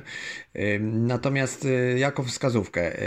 Zakupując kamienicę, robiąc sobie najpierw umowę przedstępną, przykładowo analizujemy ten obiekt, wiemy, że są tam jacyś lokatorzy, mamy jakieś tam dokumenty, nie wiemy y, o wszystkich, no bo na przykład jeszcze nie możemy tam wejść, y, no nie jesteśmy właścicielem, czy tam właściciel nie chce nam udostępniać tych y, dokumentów, no ale generalnie obiekt wydaje się ciekawy, chcemy go kupić. No i ważne jest to, żeby w ramach takiego aktu przeniesienia własności wprowadzić e, sobie zapis związany z przejęciem roszczeń, e, które mm, są e, wynikiem jakby tego, że one przejdą z poprzedniego właściciela na Was wobec lokatorów. I dopiero wtedy też jest y, możliwość skorzystania z tych y, wszystkich odszkodowań gminnych, jakie się generują. Czasami bywa tak, że, y, że trzeba poczekać na różne procesy, które jakiś tam mecenas y, prowadzi, jakaś kancelaria się tym zajmuje na rzecz tamtego właściciela, który już Wam sprzedał. No ale żeby zachować tą kontynuację, do tych roszczeń y, i w pewnym momencie nagle spływa Wam 20 tysięcy za jeden lokal, y, a takich lokali jak jest 5, to nagle dostajecie 100 czy 150 tysięcy złotych, no to jest miłym bonusem, y, ale tu jeszcze może swój komentarz dodaj od strony takiej prawnej, jak to wygląda. No tak, oczywiście to są bardzo, bardzo ważne kwestie, bo y, słuchajcie, często jest tak, że ktoś wszczął proces o eksmisję i odszkodowanie 2-3 lata temu. Wy jak przejmiecie ten lokal później, to, to już y, tak długo to nie będzie, bo będziecie mogli oczywiście wstąpić do, y, do procesu jako właściciele, bo jest następstwo prawne, ale nie będzie Wam się należało to odszkodowanie za tamten okres, tak? A ja naprawdę widziałam odszkodowania za 4 lata wstecz, tak? Bo, bo, bo tak długo trwał proces i to ktoś tam wszczynał, później sprzedawał, y, później kolejny kupował. I, także to roszczenie, to roszczenie warto, warto sobie rzeczywiście y, warto sobie rzeczywiście to zastrzec w umowie. No, co jeszcze mogę powiedzieć? No bo jest po prostu łatwiej. Też trzeba by zbadać, czy już wyroki są, bo czasami są wyroki zasądzające odszkodowanie i wtedy można mm, y, też y, jakby kwestie egzekucji, też przejęcie roszczeń do, y, tak, że będziecie prowadzić egzekucję od gminy odszkodowań i, i też no po prostu jakieś, jakaś możliwość, jest możliwość zawsze przejęcia czyjegoś długu, tak, bo na to się nie, może, nie musi zgodzić, tylko się powiadamia dłużnika o tym, że ktoś inny będzie egzekwował dług, więc, więc więc y, tak by było dobrze, żeby, tak jak mówię, no, to są, kamienice to jest taka wyższa szkoła jazdy. Oczywiście y, y, jest, ale jest to fajne, tak? Jest to fajne, bo, bo mamy fajną materię, coś fajnego powstaje. Jest trochę więcej trudu, ale, ale no, no warto, tylko trzeba o tym wszystkim wiedzieć. Czyli, czyli przede wszystkim, tak jak Damian też powiedział, cena. No ja się też zastanawiałam nad tą ceną, bo czasami ktoś mówi kamienica, o tutaj taniej, tak, bo e, ja nie, nie wiem, Damian, ale to cena to na pewno nie więcej niż połowa wartości rynkowej. Znaczy mniej nawet, nawet mniej, prawda? Jeżeli jest lokator, to nawet mniej. No, czasami takie okazje są po prostu. I, i też słuchajcie, ale powiem Wam tak, nie ma, nie ma jednej recepty na to. to. Nie to, że ja się tutaj reklamuję jako prawnik, bo, bo tych prawników y, jest, wszędzie macie w swoim mieście kogoś, kto się tym zajmuje, ale. Mm, prawnik lub po prostu ktoś, taki praktyk y, po prostu, y, żeby Wam podpowiedział też, jak te, jak te kwestie lokatorskie badać, bo dla mnie mm, na przykład y, fajnie mi się słuchało o kamienicach, nabywaniu kamienic, o tych kwestiach związanych ze stanem technicznym, no bo ja z kolei tutaj nie jestem mocna. E, także kamienica to jedna rzecz, to są te niespodzianki, też te, to, co straszy w kamienicy, czyli te stropy, nie stropy, to są, to są niesamowicie ciekawe historie, no a tutaj z drugiej strony jeszcze są lokatorzy, tak?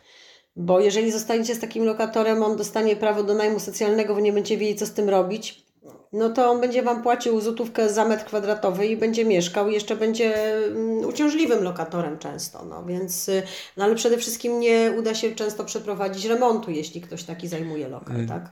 Tu jeszcze, tu jeszcze wiem, może dodam jeszcze y, takie po, sprytne podejście gmin, które zauważyłem, mhm. że akurat w Poznaniu funkcjonuje coś takiego. Nie wiem jak, jak w innych miastach wojewódzkich, ale y, o co chodzi? Że w momencie, kiedy ma, y, toczy się jakieś tam jakaś sprawa związana z lokatorem socjalnym i to odszkodowanie tam ma wynieść kwotę przykładowo 30 tysięcy czy 50 tysięcy złotych, to można zaproponować gminie coś takiego, bo nam nie zależy tak naprawdę. Co z tego, że dostaniemy 50 tysięcy? O, wiem, tak, wiem, do, wiem do czego tak. zmierzasz. Tak, ja to w swoich prezentacjach mówię Dokładnie. do zawarcia ugody. I ta ugoda spowoduje, że, że no, gmina nagle tak, lokal znajduje. To, tak. I, I... Słuchajcie, lokale... Y no dobra, powiem Wam, ja tu takie dwie kamienice, jedną nawet taką dosyć głośną, pamiętam jak był ten proces o lokatorów tej kamienicy, to nagle po prostu spływały do sądu ileś tam takich wniosków ugodowych o zawarcie ugody, czyli tak, że y, czynsz w tym lokalu, no wysoki, bo to centrum Warszawy, y, ta kamienica miała ileś, ileś tam tych lokali komunalnych, Yy, oczywiście wszędzie ci ludzie się godzili, tak, te procesy eksmisyjne, wszyscy nagle się zgadzali, bo jakby wiedzieli, że to będzie załatwione. I teraz nie było w tych sprawach w ogóle żadnego pozwu o y, odszkodowanie, tylko poszły same ugody. I miasto załatwiało te ugody. Ja pamiętam, że jednego dnia na zarządzie y, się załatwi, załatwiło się 30 ugód takich, y, tak? Ale dobra. Chodzi o to, że na czym to polega? Że się, pisze się tak. E, wniosek o ugodę to jest teraz 300 zł, tak? No przy sprawie o, e, o yy, odszkodowanie no to jest 5% wartości, czyli jeżeli już mamy tam za, nie wiem, za rok, no to jest 2000 zł, to jest 30 tysięcy, razy 5, 15, 1500, a tutaj mamy 300 wy, a przy małych kwotach jeszcze mniej, bo jest chyba 100 zł, bo to się zmieniło, ale są niskie kwoty tych, tych, tych wpisów. I pisze się tak, E, że macie takie roszczenie, że zajmuje, że gmina wie, bo 4 lata temu był proces i odmówiła, powiedziała, że naturalnym ruchem mieszkań e, i że właściwie macie uprawnienie do tego, żeby żądać za 4 lata wstecz czy 3 lata wstecz, czy powiedzmy, no, odszkodo aha, odszkodowanie to nie jest trzyletnie przedawnienie, nawet jest, no ale powiedzmy, jest dziesięcioletnie, ale tam były jakieś wątpliwości co do tego. Natomiast, natomiast dobra, mamy 3 lata, za 3 lata możemy żądać, ale my chcemy, my rezygnujemy z odszkodowania, natomiast chcemy, żeby w ciągu miesiąca od, od zawarcia tej ugody przed sądem y, miasto dostarczyło lokal. I już, i powiem Wam, że w większości przypadków to się załatwia bardzo, bardzo dobrze i sprawnie. Dokładnie, także może teraz y, Y, przejdźmy do tej kwestii covidowej i tych tarcz, tak żebyśmy się w miarę wyrobili w czasie, jaki tutaj zaplanowałem na, na ten y, wywiad y, i później będą jeszcze mhm. czynsze, więc no same eksmisje związane z covidem, bo to jest teraz faktycznie zabetonowane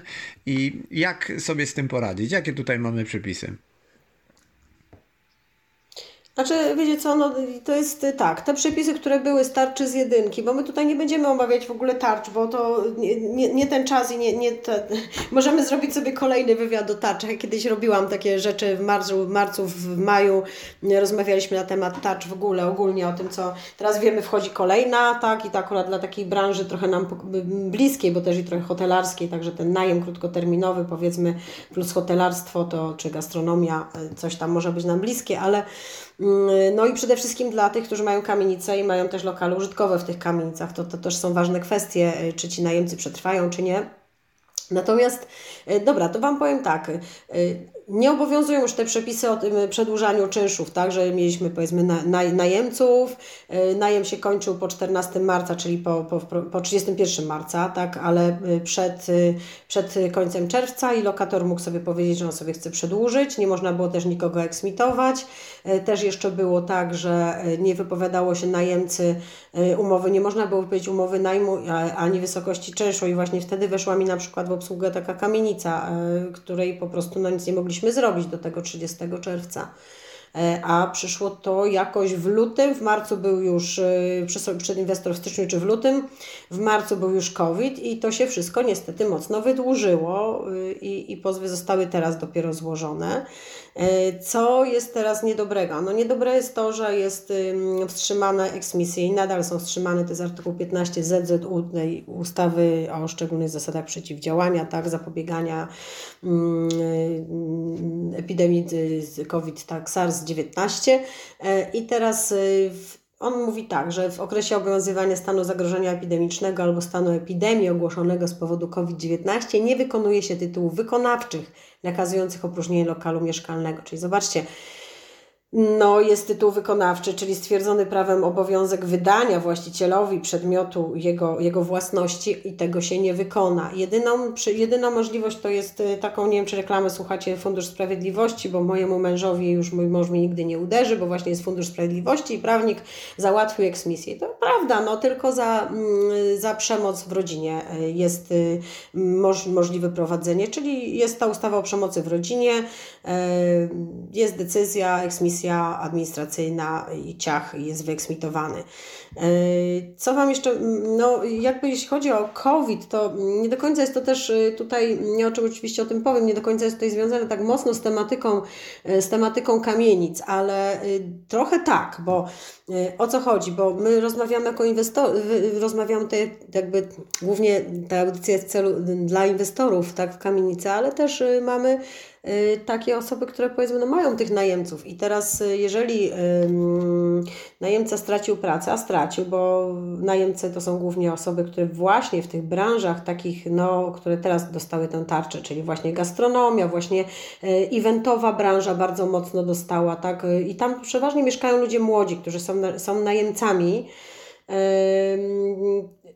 te osoby też mają prawo do dopłat do czynszów. I jak był taki ruch najemców, który, mm, że oni wypowiadali te umowy, chcieli negocjować stawki czynszu, y, poszła też taka akcja ze strony mieszkanicznika, tam dość dużo mówiłam na temat y, tej polityki takiej dopłat do czynszów.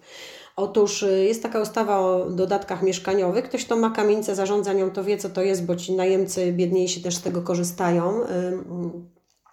I jeśli chodzi o, y, to, to, to nie są tylko najemcy komunalni, są, każdy najemca może z tego skorzystać, tylko jest to ograniczone też jego dochodem i, wysoko, i y, też wielkością mieszkania.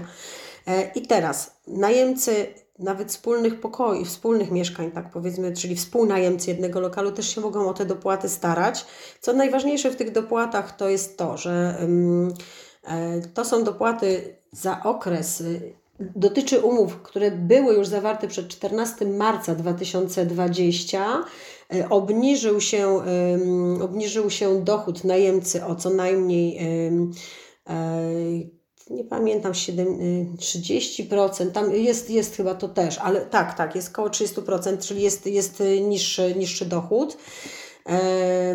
To głównie chodzi też o osoby, które powiedzmy poszły na postojowe, tak? no bo, czy, czy, czy osoby, które po prostu no, nie straciły pracę.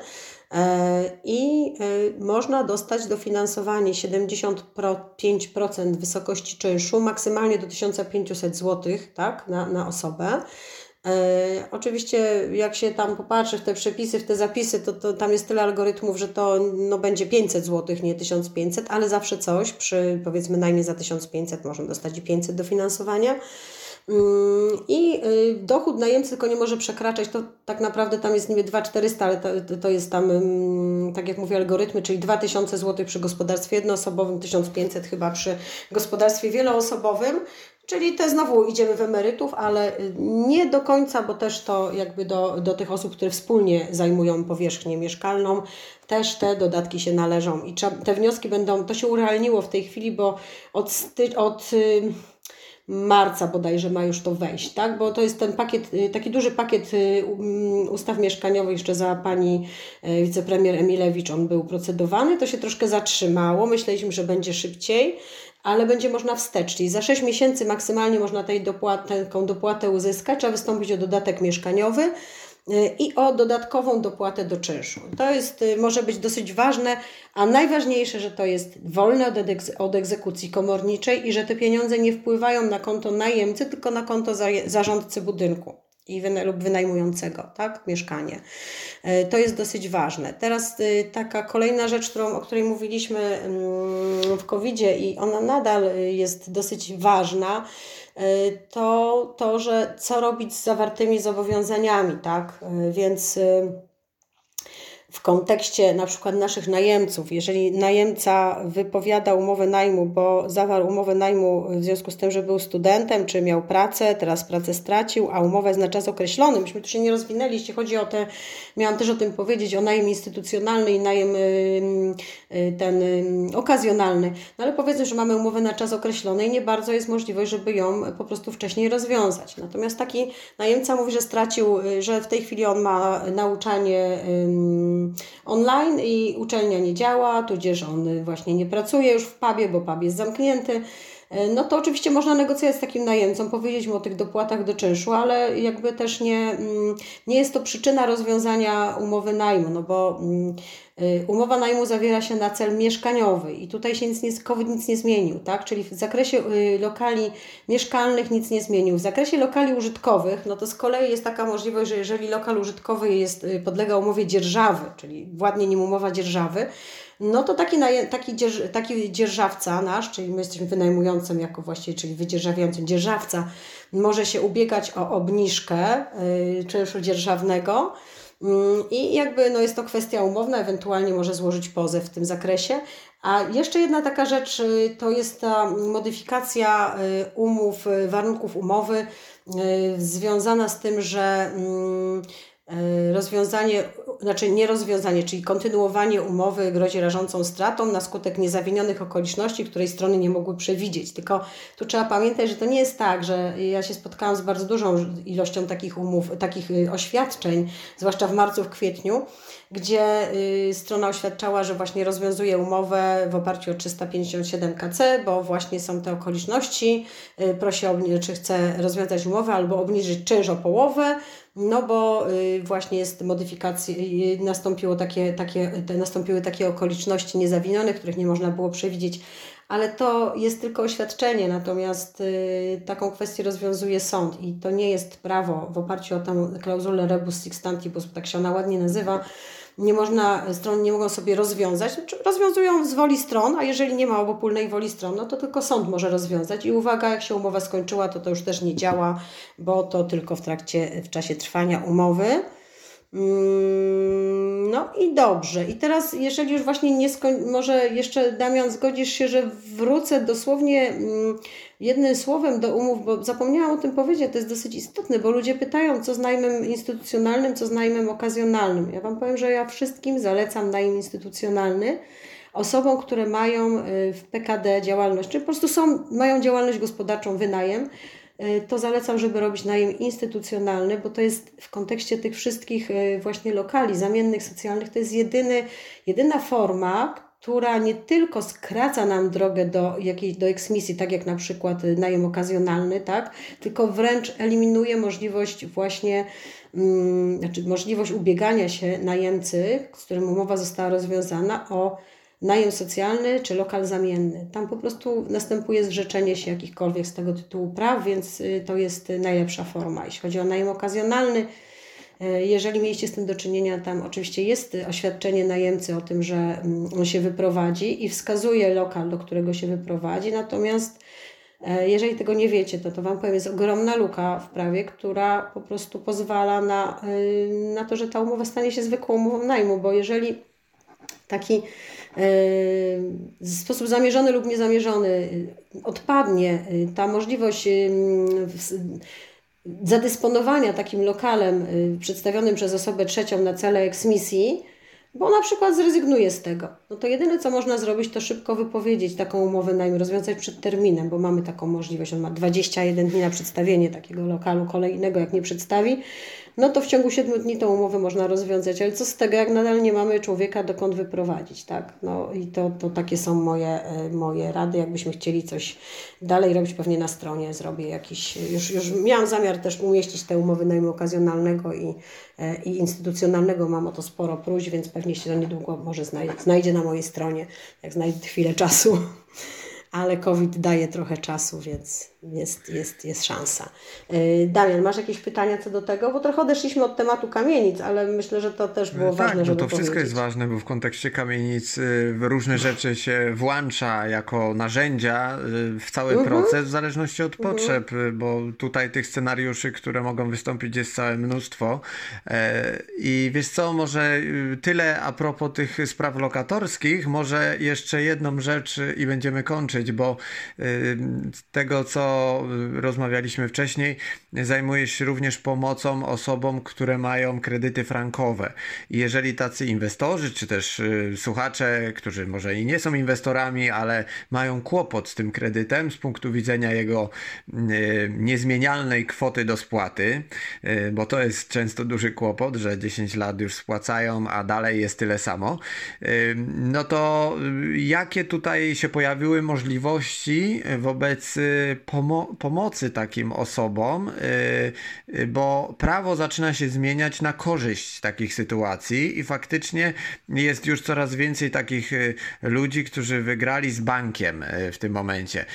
I, I też może z Twojej praktyki, jakbyś podpowiedziała parę rozwiązań. Dobra, rozwiązanie jest y, jedno, najlepsze, to znaczy trzeba iść do sądu. Ja z tym poszłam do sądu, zaczęłam się zajmować sprawami, sprawami Frankowiczów w 2014 roku i miałam drugi w Polsce prawomocny wyrok y, w 2015, to nawet w 2013 chyba ten pozew złożyłam. E, Odnośnie ubezpieczenia niskiego wkładu, to znaczy bank robił coś takiego, że ubezpieczał niski wkład i ubezpieczał 20% wkładu własnego, te kredyty były przyznawane na 100%, wiadomo, po czym jak były zaindeksowane do franka 2-3 lata później, to ten niski wkład z 20, z, z na przykład ze 100 tysięcy złotych rósł do 300 tysięcy złotych i opłata y, za kolejne, że tak powiem, bankowe, ubezpieczenie banku, co też nie było jasne, że to jest ubezpieczenie banku z regresem do klienta, nagle z y, opłaty mm, po trzech latach, bo to co 3 lata się uzupełniało taką opłatę, po trzech latach zamiast 4 tysięcy to człowiek musiał wpłacić 11 i były takie banki jak y, jeden bank na literę M, który miał to w ogóle w nieograniczony w czasie i tam mam takich klientów, którzy mają po 70-80 tysięcy takiej opłaty y, do odzyskania. Tutaj mam bardzo dużo już tych wyroków z ni- niskiego wkładu, też z pozwów, ym, z pozwów towarzystw ubezpieczeniowych, które wypłacały bankowi część y, odszkodo- znaczy odszkodowanie i występowały do klienta, mimo to, że to klient płacił tak zwane składki. Ale dobra, y, co można zrobić? Otóż y, są, pewnie słyszeliście o odfrankowieniu, unieważnieniu. E, Odfrankowienie tak naprawdę polega e, na tym, że jeżeli mamy, my mamy w takim kredycie, w kredycie zwykłym, normalnym kredycie to mamy marżę e, i WIBOR, tak? E, który nam wskazuje na oprocentowanie. Czyli on nam sobie oblicza oprocentowanie zmienne i, i, i tak to wygląda. W kredytach złotówkowych te marże są wyższe, e, też WIBOR jest wyższy od LIBORu. Atrakcyjne te kredyty frankowe były dlatego, że miały niskie marże, bo 1 do przeważnie 2%, a nie, nie 3-4%. E, Tylko Getin miał trochę więcej, ale on, że tak powiem, dawał, jak to się mówi, na lewo, na prawo i nie sprawdzał y, za, za mocno takiej zdolności. Znaczy zdolność kredytową tak, ale, y, ale, ale klientów jakby...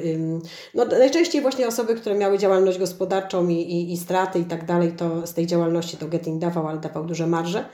No i te kredyty były atrakcyjne, bo jeszcze miały coś takiego, że indeksowały, podwyższały ratę o mm, wysokość, o kurs fran- franka. Tylko, że ten kurs franka był kursem z tabeli banku. Y, I tak naprawdę nigdy nie wiedzieliśmy, jeśli nieoznaczone świadczenie pożycza- pożyczał ktoś tego kredytu, brał 300 tysięcy, a do zapłaty już następnego dnia po wypłacie miał 330, bo mu bank zaindeksował do kursu, y, dał mu po kursie kupna, a później był kurs sprzedaży, tak? E, ale tak naprawdę mógł sobie w tabelach bankowych ustalić, że kurs franka jest 3,5, 3,8, 3,9. Naprawdę wierzcie mi, przez lata tej praktyki sądowej wiem, że e, przy sporo opinii nawet bankowców się przewinęło. Nie było niczegoś takiego jak czapka nad bankami. Chodzi o przerzucenie jedno, jednostronnego ryzyka na klienta. I dlaczego e, teraz jest, co można z takimi kredytami zrobić? Otóż można przede wszystkim wnieść o nieważność takiego kredytu. I są dwie, dwie że tak powiem, są dwa, dwie metody. E, I też e, czasami w jednym wydziale są, jeden sędzia stwierdza, że po odrzuceniu klauzuli abuzywnej, czyli tej klauzuli niedozwolonej, jaką jest właśnie włączenie indeksacji do CHF-u z różnych powodów. Właśnie z powodu, że jest nieoznaczone świadczenie, że bank przenosi całkowite ryzyko, ryzyko nie kredytowe, tylko ryzyko kursowe na klienta, e, niedoinformowanie i tak dalej, no całe mnóstwo tych zarzutów, no to można tak albo odessać, że tak powiem, ten, y, tą indeksację frankową, wtedy zostaje nam umowa z marżą i z Liborem, czyli mamy 1% plus Libor jest ujemny, więc mamy y, kredyt i to się cofa do daty zawarcia umowy kredytu, czyli tak 2006-2008, teraz mamy 12 lat później. I stąd powstaje duża nadpłata w tym kredycie i to się zwraca i sąd orzeka zwrot tego, tej nadpłaty i zostanie nam do spłaty po tej nadpłacie niewielki już, bo saldo się bardzo obniża, tak, czyli dostajemy zwrot nadpłaty i poprzez, która powstaje poprzez odessanie franka, zostaje nam kredyt oprocentowany w wysokości marży 1% y, albo 1,3%. Niektórzy, niektórzy też uważają, że jeżeli LIBOR jest ujemny, to się odejmuje, ale to nieprawda, tak naprawdę zostaje nam marża, marża 1,3, 1,2, więc oprocentowany fajnie kredycik. E, i duża nadpłata do zwrotu. Jakbyśmy chcieli, przeważnie jak liczyłam, że jak się chce tą nadpłatą spłacić kredyt, to można prawie jednorazowo prawie wychodzi się na zero. Zależy od tego, w którym roku wzięty kredyt, tak? I czy były nadpłaty takie normalne, czy nie. Czy w 2006 to tak, w 2008 niekoniecznie. E, teraz, e, teraz tak. Druga rzecz to jest całkowite stwierdzenie nieważności takiej umowy. I to powoduje, że tak naprawdę wzięliśmy 300 tysięcy, według dzisiejszego, jak bank nam liczy, że wzięliśmy 300, spłaciliśmy 310, y, a mamy jeszcze, 200, y, mamy jeszcze 350 do spłaty. I tak w niektórych kredytach to wygląda. W niektórych mamy na przykład 700 tysięcy wzięliśmy, y, spłacone jest 650, a mamy jeszcze 800 do spłaty. To, wszystko, to naprawdę ja ty, tych analiz robię sporo, to tak, tak to wychodzi. E, no i jeżeli mamy, jeżeli sąd stwierdza nieważność, a stwierdza, bo po tym słynnym wyroku TSUE powiem tak, e, na rzecz e, właśnie nie od frankowień, tylko na rzecz unieważnień jest w tej chwili około 60% y, wyroków, 7, więcej, 70 parę procent wyroków to jest nieważność, 30% tych korzystnych dla frankowiczów to jest odfrankowienie, ale moim zdaniem to wszystko pójdzie w nieważność. Ja mówię o pierwszoinstancyjnych. W drugich instancjach to moim zdaniem tylko już pójdzie ta nieważność. Jeżeli mamy nieważność, wzięliśmy 300 tysięcy, powinniśmy spłacić 300 tysięcy przez to, że nadpłacaliśmy kredyt, bo mieliśmy tę mm, indeksację do franka, spłaciliśmy już 320, wzięliśmy 300, spłaciliśmy 320, to jeszcze, to jeszcze, że tak powiem, bank nam musi oddać. Ale powiedzmy, wzięliśmy 300, spłaciliśmy 280, yy, potrwa proces ze dwa lata, to też będziemy mieli jakby nadwyżkę i, i tutaj tak się w ten sposób będzie można z bankiem rozliczyć. Krótko mówiąc, umowa nieważna, to znaczy, że to jest taka sytuacja jak yy, to, że bank nam wypłacił pieniądze bez podstawy prawnej, czyli tak naprawdę musimy mu zgodnie z przepisami o bezpodstawnym wzbogaceniu, nienależnym świadczeniu zwrócić kwotę wypłaconego kredytu. A ponieważ już ją prawie spłaciliśmy, płacimy w, trasie, w czasie procesu, to wychodzimy na zero. A wyrok frankowy, porządny wyrok frankowy, to wygląda tak, ja już mam tych wyroków tych y, indeksacyjnych 4-5, e, tak, y, to on wygląda tak, że są, występujemy o zasądzenie, na przykład spłaciliśmy bankowi 380 tysięcy, to chcemy 380 tysięcy i połowa sędziów, więcej jak połowa sędziów, tak właśnie stwierdzi wyrok, taki wyrok frankowy wyda, że zasądza tę kwotę, którą, którą Frankowicz, kredytobiorca, y, wydał tytułem spłaty tego kredytu. Nie mówimy o, żadnym, o podziale na odsetki, kapitał, marże, cokolwiek. Jest to zwykły przepływ pieniądza. I teraz bank dopiero będzie mógł się, rozliczając z nami, przekazać, że przecież on nam wypłacił tyle i tyle.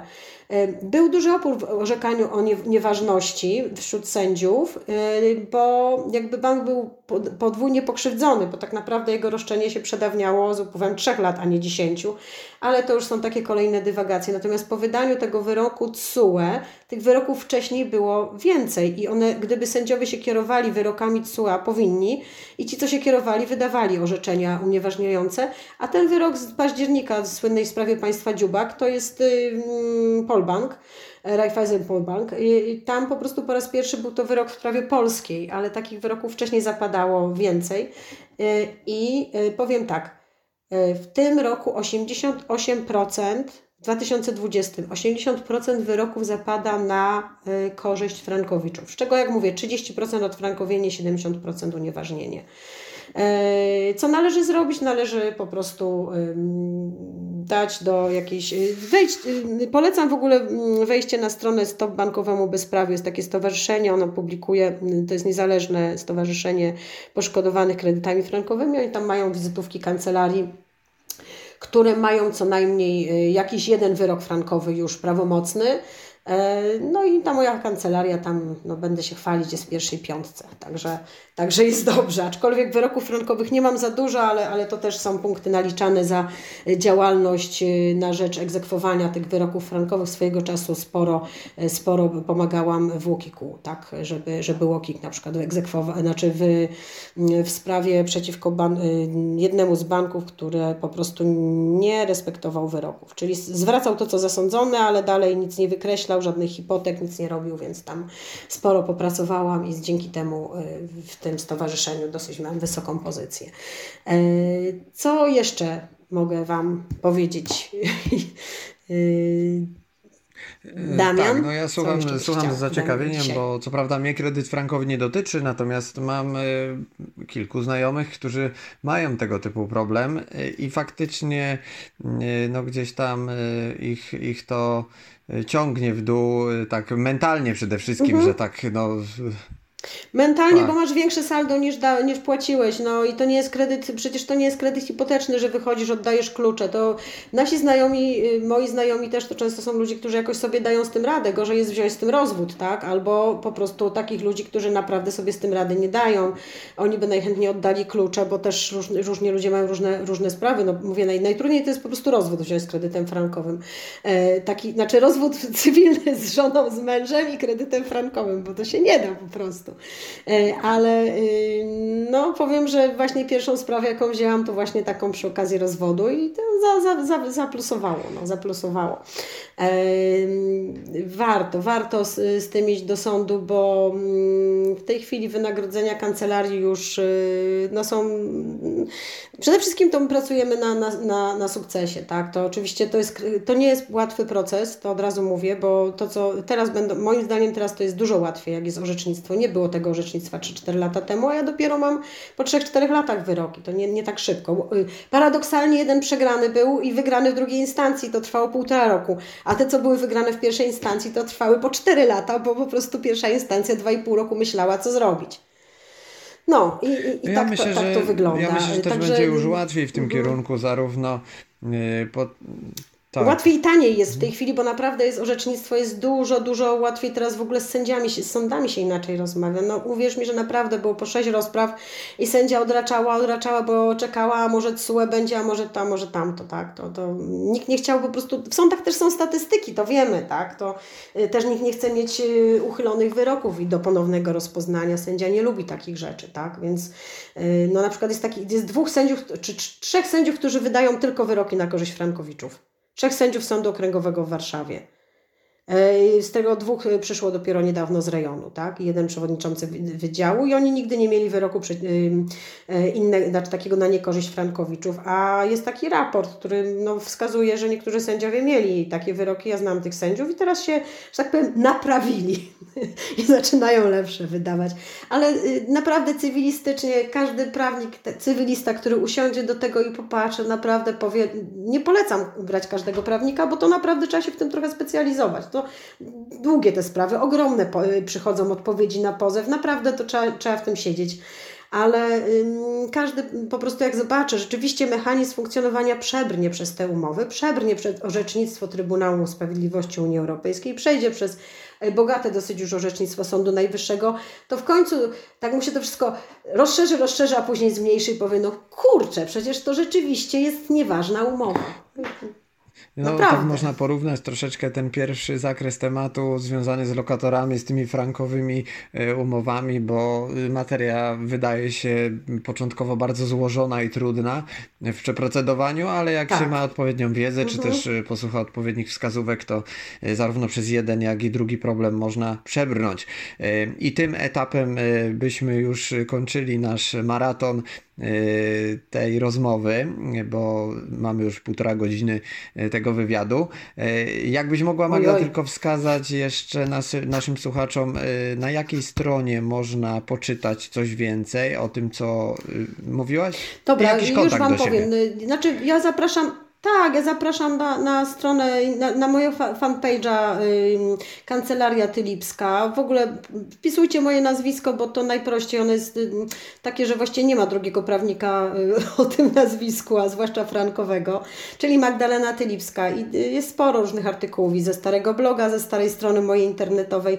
A tak w ogóle to kance, y, Magdalena Tylipska, Kancelaria TPZ bo mam w tej chwili taką spółkę z młodymi adwokatami, moimi aplikantami y, byłymi, y, którzy, którzy ze mną y, powiedzmy to prowadzą nadal, bo prowadzimy to już od pięciu lat razem. Kancelaria TPZ, Tylipska, Pilawska, Zorski, możecie sobie tam naprawdę sporo poczytać i zobaczyć, jakie webinary robimy odnośnie właśnie spraw frankowych. I, I, zapraszam, zapraszam po prostu do siebie. Wejdź, można też, tam jest oczywiście też adres y, tej strony internetowej Stop Bankowemu Bezprawiu, jest nawigator y, kancel, y, wyroków Stop Bankowemu Bezprawiu. No, oczywiście więcej jest tych, tych grup internetowych, są, sporo grup internetowych frankowiczów, pozwałem bank, jest cecha, cecha Francisco i tak dalej. Tego jest naprawdę całe mnóstwo. Natomiast Stop Bankowemu Bezprawiu to zrzesza kilka tysięcy osób i rzeczywiście pracuje od początku nie tylko dyskutuje o wyrokach, ale naprawdę ogromną robotę zrobili, jeśli chodzi o y, wzbudzenie świadomości wśród y, jakby zainteresowanie rzecznika finansowego, zainteresowanie Łokiku y, sprawą Frankowiczów i, i naprawdę dzięki temu też jakoś to szybciej idzie i więcej się wygrywa. Powiem tak, jeszcze warto pozywać według siedziby banku, warto pozywać w Warszawie, bo małe ośrodki mają gorsze orzecznictwo. Duże miasta to tak, ale, ale, ale małe ośrodki mają gorsze orzecznictwo. Tam w zasadzie właściwość jest taka, że według siedziby banku, ale też można z miejsca podpisania umowy. Ja polecam jednak mimo wszystko Warszawę, tu, tu naj, naj, jest taka awangarda, najszybciej się to wszystko dzieje. Największa świadomość jest jednak tutaj najlepsza. Super, wyroki. Magdo, dziękuję Ci w takim razie za podzielenie się swoimi tutaj spostrzeżeniami, wiedzą, doświadczeniem y, na łamach y, tej audycji, bo to na pewno wielu ludziom może pomóc realnie y, przejść kwestie związane z lokatorami, czy też z kredytami system frankowym, jakie tutaj w ogóle są opcje do zorientowania się, na ile problem y, da się zdiagnozować. Y, także mam nadzieję, że ta rozmowa była dla Was y, ciekawa i wartościowa.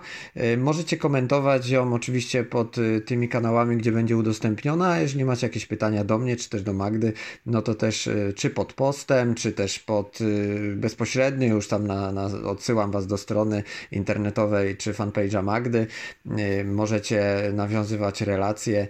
E, ja też zawsze jestem otwarty na to, żeby moi rozmówcy mogli jak najwięcej E, tutaj e, Wam pomóc w różnym zakresie, też czysto takim prywatnym, bo niekoniecznie ja muszę pośredniczyć w tym kontakcie, tylko odsyłam Was zawsze bezpośrednio, tak żebyście mieli jak najlepszy kontakt ze sobą na przyszłość. Także jeszcze raz dziękuję Ci Magdo za, za tą rozmowę, a Wam dziękuję za odsłuchanie całości. Pozdrawiam Was serdecznie, wszystkiego dobrego.